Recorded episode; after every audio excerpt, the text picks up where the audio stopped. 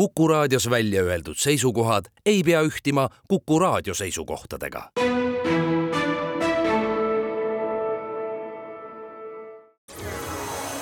loodusajakiri, vaata ka looduseajakiri.ee.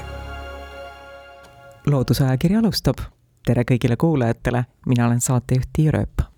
ajakirja Horisont viiendas numbris kirjutab teadusloolane Ken Kalling artiklis Suits silmas Eesti maarahva elutingimustest suitsutares kaheksateistkümnendal sajandil ja üheksateistkümnenda sajandi esimesel poolel. tol ajal oli laialt levinud arvamus, et elu pimedas ilma akendeta suitsutares rikub eestlaste silmanägemist ja vähe sellest põhjustab ka nürimeelsust leidus teadusmehi, kes olid kindlad, et lisaks elutingimustele on eestlaste silmahädade põhjuseks eriline mongolipärane silmakoopa kuju. küsisin artikli autorilt Ken Kallingult,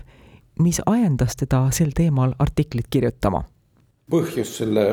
jutukese kirjutamiseks, et see on selline kõrvaltoode, kõrvalprodukt ühele suuremale ettevõtmisele, milleks on siis Tartu Ülikooli, aga noh, võib-olla ka laiemalt oftalmoloogia õppetooli instituudi kateedri, kuidas teda läbi aegade nimetatud on, selle ajaloo kirjutamine on plaanis ja noh, päris palju sellest tööst on valmis. Ja, ja seda ettevõtmist omakorda provotseeris see, et siin mõne aja eest, see tähtaeg on küll juba mitu aastat möödas ja üle läinud, aga, aga mõne aja eest siis oftalmoloogia kliinik tähistas oma saja viiekümnendat aastapäeva, nii et, nii et selle aastapäeva sellise väga hilinenud järelkajana toimub siis raamatu kirjutamine ja, ja seda raamatut kirjutades seal siis neid erinevaid teemasid nähes ja nende peale mõeldes, siis, siis jah, see silmakuju teema tundus nagu huvitav, et noh, eks ole, ma olen oma nii-öelda teadlase minevikus päris palju tegelenud siis ka nende rassiküsimustega, mis puudutab eestlase rassi ja need omaaegsed niisugused veidrad õpetused. et see sisend ka, see mongoloidsus küsimus eestlase puhul, et see oli mul juba teada ja mõne teise nurga alt võib-olla isegi nagu läbi kirjutatud, aga aga nüüd tuli siis see silmakuju nagu väga konkreetselt kerkis esile ja, ja, ja see tundus, tundus iseenesest põnev, põnev küsimus, nii et algas see kõik ikka siis silmast ja silmakujust ja sealtkaudu siis jõudsin jutuga rehetarede ja muu sellise peavoolu rahvusliku temaatika juurde kes, kes on meie ajalooga kursis, need teavad, et maarahva eluolu ja mõned muud korraldused erinesid Liivimaal ja erinesid Eestimaal. see, millest sa kirjutad, kas see on Liivimaa või on see Eestimaa? ma isegi selle peale nagu niimoodi väga tolle kirjutamise ajal ei mõelnud ja, ja praegu ka ma arvan, et see ei ole nii nii oluline. ilmselgelt, eks ole, jutt käib Tartu Ülikooli teadlaste tehtud töödest ja, ja nende peamine tähelepanu oli ikkagi Liivimaal. aga nad tegid ikkagi väga selgelt vahet, see oli jälle niisugune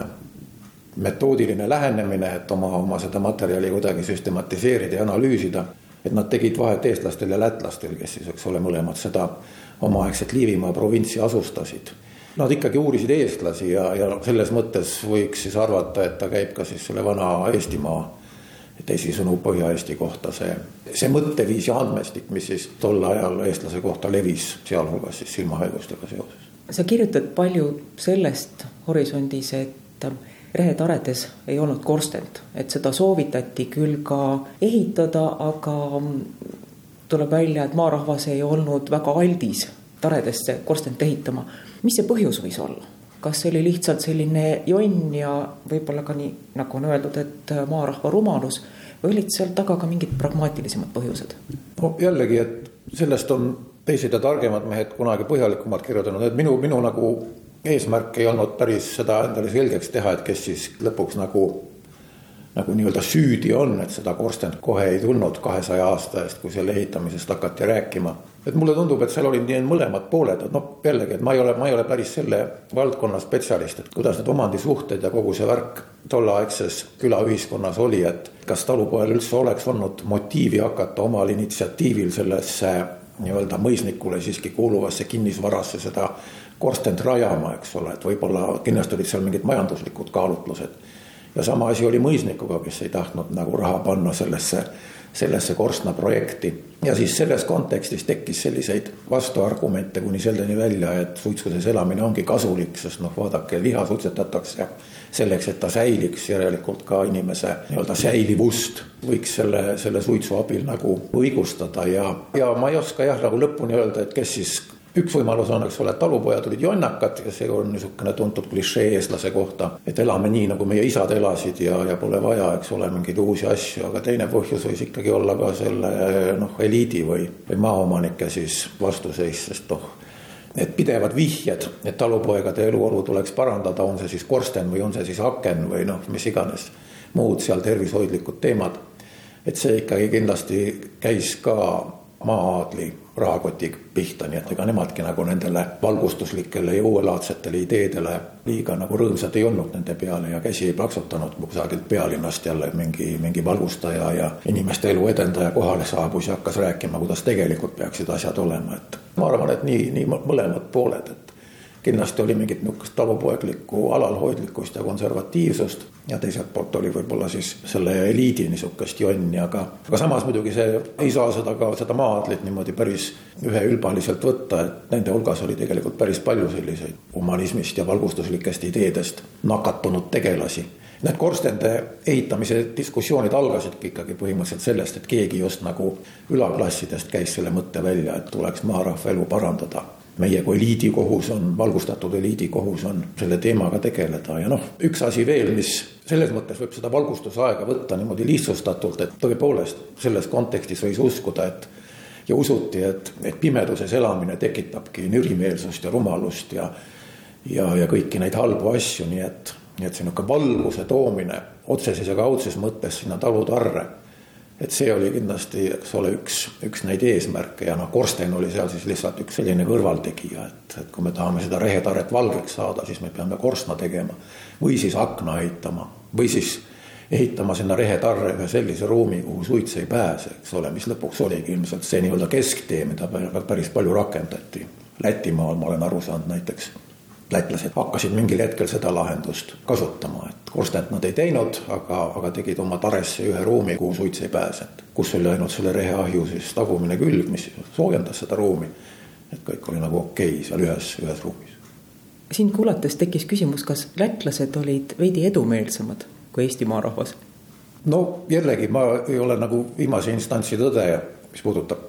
kogu seda talurahva ajalugu ja põllumajanduse ajalugu, aga vähemalt neid omaaegseid tegelasi lugedes meile Tartus tuntud mees Krause, ülikooli hoonete projekteerija, et tema kirjutas kahesaja ja natuke rohkem aasta eest väga veendunult, et lätlased on viimasel ajal, noh, ta rääkis kaheksateistkümnenda, üheksateistkümnenda sajandi vahetusel, et on viimasel ajal oma elutingimusi nagu märgatavalt parandanud ja vot just needsamad suitsuvabad kambrid on tekkinud sinna lätlaste tarre et võib-olla siis olid lätlased kuidagi nagu teistmoodi, noh, mis see põhjus võis olla, lähedus Riiale, mingid muud niisugused asjad. eestlaste ja lätlaste võrdlemist tollel ajal ja ka hilisemal ajal seda tehti päris palju ja ja sageli tundus, et, et eestlased on kuidagi sellised metsikumad ja jõhkramad ja, ja, ja nii edasi ja noh, jällegi omaaegsed rassiteooriad sidusid selle kohe siis selle sama nii-öelda mongoli küsimusega, et eestlane pole päris, päris eurooplane, eks ole, ta on mingi selline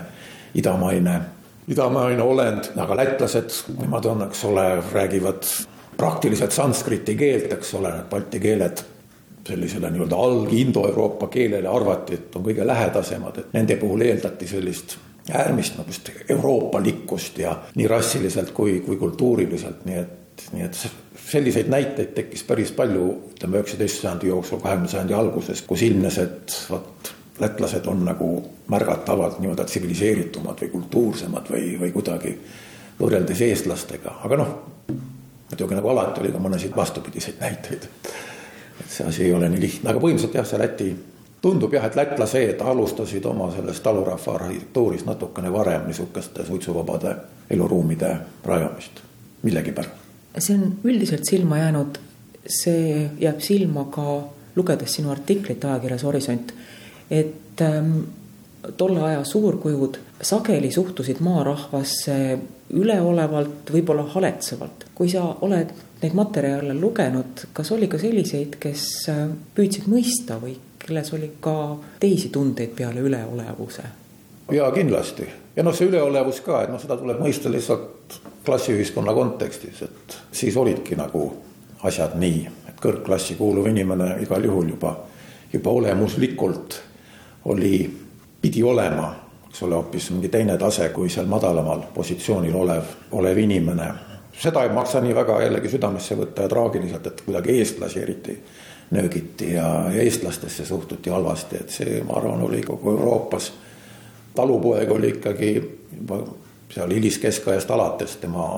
talupoeg võrdus juba mingi selline noh, primitiivne või, või, või, või alaväärtuslik olend sageli paljudes ühiskondades, mitte ainult Eestis. kuigi jah, Eestis võib-olla oli siin see niisugune rahvuslik komponent, eestlased versus sakslased või mingid rassiteooriad, eks ole, need natuke võimendasid neid asju. aga teiselt poolt jah, oli valgustusaeg ja oli tegelikult päris palju neid, neid mehi, valdavalt mehi siis ikkagi tollel ajal, kes ikkagi üritasid jah mõista või noh, või jällegi raske öelda, et kas mõista mingi empaatia teemat, aga, aga noh, vähemalt nad üritasid seda inimeste eluolu parandada, seal taga võis olla ka mingid utilitaristlikud või omakasupüüdlikud kaalutlused, et kui talupoeg on tervem, ta töötab rohkem, eks ole, kui tal on silmad peas, siis ta ei ela mingist hoolekandest, eks ole, ja nii edasi ja nii edasi, noh, see klassikaline niisugune rahva tervise tekke üldse paarisaja aasta eest, meditsiinipolitsei idee oli ikkagi see, et rahvas peab olema terve nagu riigi hüvanguks. selleks alustati ka neid kas või neid silmauuringuid, et noh, tundus, et need silmahaigused ikkagi on päris tõsine koorem kogukonnale, ühiskonnale, mõisale, riigile. et midagi tuleb nendega teha, nii et jällegi, et see positiivne suhtumine talurahvasse, et, et see võis olla väga selline sümpaatne, humanistlik ja kaasatundev ja neid mehi oli aga see üldine trend oli kindlasti ka see, et ikkagi seda inimest vaadati, noh, tänapäeval me ütleme inimvara tollel ajal, ma ei tea, mis sõna kasutati, no Hitleri Saksamaal tehti kurikuulsaks see mõiste inimmaterjal, eks ole. aga paarisaja aasta eest oli jah, juba väga selge ikkagi selline arusaamine, et see rahvastiku tervis ja kõik need asjad on selline oluline strateegiline ressurss inimese jaoks ja sellega tuleb tegeleda, isegi kui sa võib-olla suhtud nagu halvasti sellesse madalamasse klassi kuuluvasse kaasolendisse, aga, aga lihtsalt puht omakasupüüdlikel eesmärkidel selle asjaga tuleb, tuleb tegeleda ja, ja, ja ka tegeleti lihtsalt noh, võib-olla selle konkreetse korstna puhul ei suudetud kokku leppida, kas ta nüüd on vajalik või ei ole, et noh, siin oli jällegi noh, mingid teooriad olid seal taga, et lihtsalt arvati, et no ma ei kujuta ette, mismoodi see ahi ja korsten kahesaja aasta eest, et kuidas seda oleks ehitatud. Ja tundub, et näiteks üks argument korstna vastu oligi see, et et korstnaga maja kütmisel kulub palju rohkem puid sest ilmselt sealt korstna kaudu või kuidagi siis ikkagi arvati, et see soe, soe läheb välja, et rehetare, kus siis ühel hetkel pannakse uks kinni, et seal siis noh, millegipärast arvati, et kulub puid vähem, kuigi noh, ma kohe räägin siin endale vastu, sest see üks argument selle rehetare nii-öelda kasulikkuse kohta oli see, et, et rehetares selleks, et suitsu välja lasta, avatakse siis need uksed pidevalt. teisisõnu, õhk vahetub rehetares palju kiiremini kui, kui korstnaga majas ja nii edasi ja nii edasi, ühesõnaga see, see diskussioon oli niisugune oma aja paradigmadest lähtudes ikka väga selline tõsine ja, ja erinevaid argumente võeti arvesse ja, ja üritati seal üksteist veenda, et kas nüüd korsten või mitte korsten. Ja kas see mõjub silmadele või mõjub see pimedus ja suits hoopis jah, selle vaimu tervisele või kopsudele. Nende asjade üle päris, päris tõsiselt arutleti, see oli nagu teaduse jaoks suur väljakutse. üks teema, mis võib-olla selles Horisonti artiklis niimoodi väga selgelt välja ei tule, kas siis eestlastel oli, oli tõesti rohkem silmahaigusi kui kõigil teistel, teistel rahvastel meie ümbruskonnas, siis Martin Seppel on seda asja nagu vaadelnud ja tema sõnum on ikkagi pigem see, et vist ei olnud see asi nii hull, et pigem see ongi see silmahaiguste teema kuidagi nagu võimendus just lähtuvalt nendest diskussioonidest, mis puudutasid ühelt poolt rehetaresid ja teiselt poolt eestlase rassi. Kuidagi hakkas see asi nagu iseenesest kerima ja asjaosalised kütsid seal üksteist üles ja ühel hetkel oli see juba niisugune väga selgelt kokku lepitud tõde, et eestlased on kohutavalt haigete silmadega ja, ja, ja hästi palju on nende hulgas pimedaid. kui sellele asjale nüüd niimoodi tänapäeva ajaloolased, Martin Seppel näiteks niimoodi rahulikult vaatavad ja tõesti siis, eks ole, ka statistilisi andmeid kasutavad, siis, siis ilmselt see asi siiski nii, nii traagiline tundub, ei olnud nende silmahaigustega seoses. tänavusega võrreldes kindlasti tohutult teistsugune, kõikvõimalikud silmanakkused ja trahoom ja muud niisugused asjad ilmselgelt levinud, aga eestlane ei pruukinud omaaegses kontekstis kuidagi väga eriliselt siiski, siiski eristuda. saatejuht Tiir Ööp ütleb tänusõnad Ken Kallingule intervjuu eest, samuti kõigile teile, kes te meid kuulasite. ilusat õhtu jätku. loodusajakiri vaata ka looduseajakiri.ee